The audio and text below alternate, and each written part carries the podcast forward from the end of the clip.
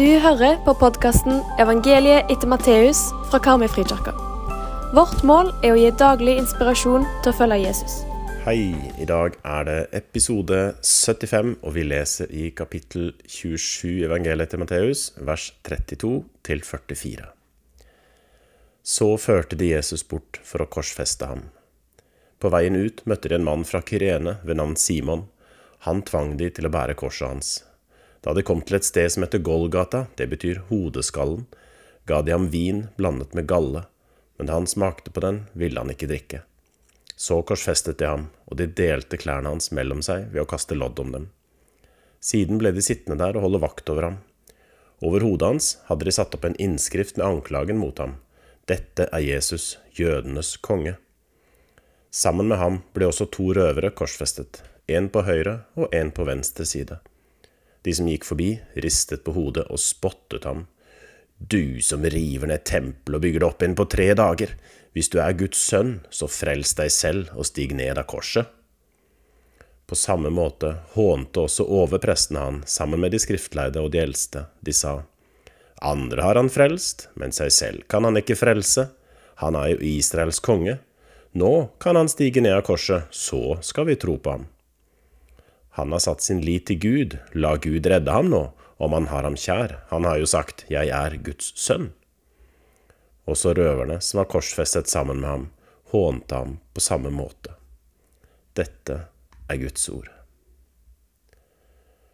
Korsfestelse og død var en del av hverdagen i Jerusalem. Opp gjennom historien har menneskenes trang til å se andre lide, ofte som forlystelse, fått komme til syne. Og det var mange som møtte opp for å se, på, se, Jesus på korset også denne dagen. Det kan virke helt uforståelig for oss i dag. Vanlige folk og røvere som ble korsfestet samtidig, og skriftlærde. Alle kom de for å se og for å håne Jesus.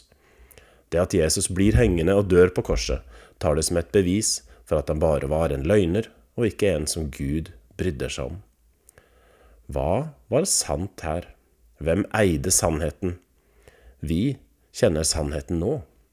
Kampen om sannheten, den står fortsatt. I dag ser vi det time for time gjennom skildringene fra Ukraina, hvordan ulike historier om krigen fortelles i våre medier, og hvordan russiske medier skildrer en helt annerledes utgave av den såkalte sannheten. Noe som er sterkt og godt om sannhet, er at den alltid forholder seg til virkeligheten. Dersom noe ikke er sannhet, vil det før eller senere krasje og falle sammen.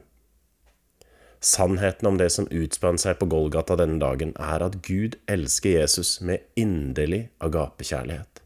En kjærlighet som ikke krever noe tilbake. Og så elsker Gud røvere og andre som blir ofte med god grunn mislikt eller hata av mennesker.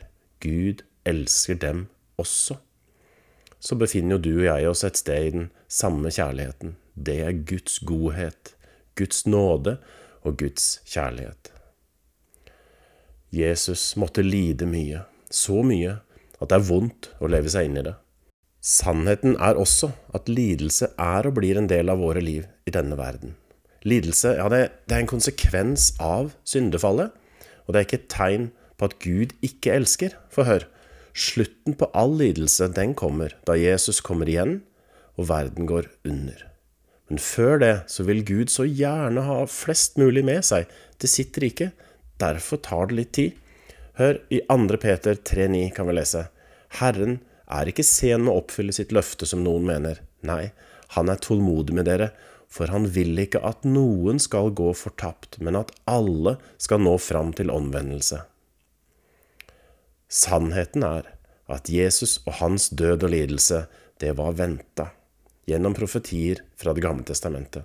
Og noen av de aller sterkeste profetiene blir oppfylt på veien til og på korset gjennom profeten Jesaja i kapittel 53, og vi leser de versene. Han var foraktet, forlatt av mennesker, en mann av smerte, kjent med sykdom, en de skjuler ansiktet for. Han var foraktet, vi regnet ham ikke for noe. Sannelig våre sykdommer tok han, våre smerter bar han. Vi tenkte han er rammet, slått av Gud og plaget. Men han ble såret for våre lovbrudd, knust for våre synder. Straffen lå på ham, vi fikk fred, ved hans sår ble vi helbredet. Vi gikk oss alle vill som sauer, hver tok sin egen vei, men skylden som vi alle hadde, lot Herren ramme ham.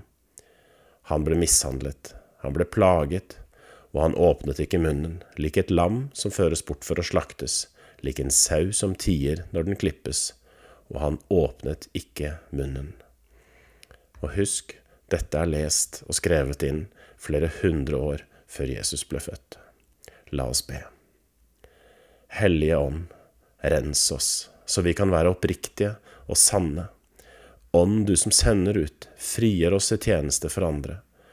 Ånd, du som uroer, beveg oss, så ødelagt liv kan bli nytt. Amen. Vår Herre Jesu Kristi nåde, Guds kjærlighet og Den hellige ånds samfunn være med oss alle. Amen. Vi håper du blir med videre for å lese hele evangeliet etter Matteus sammen med oss. Leseplanen finner du på våre nettsider.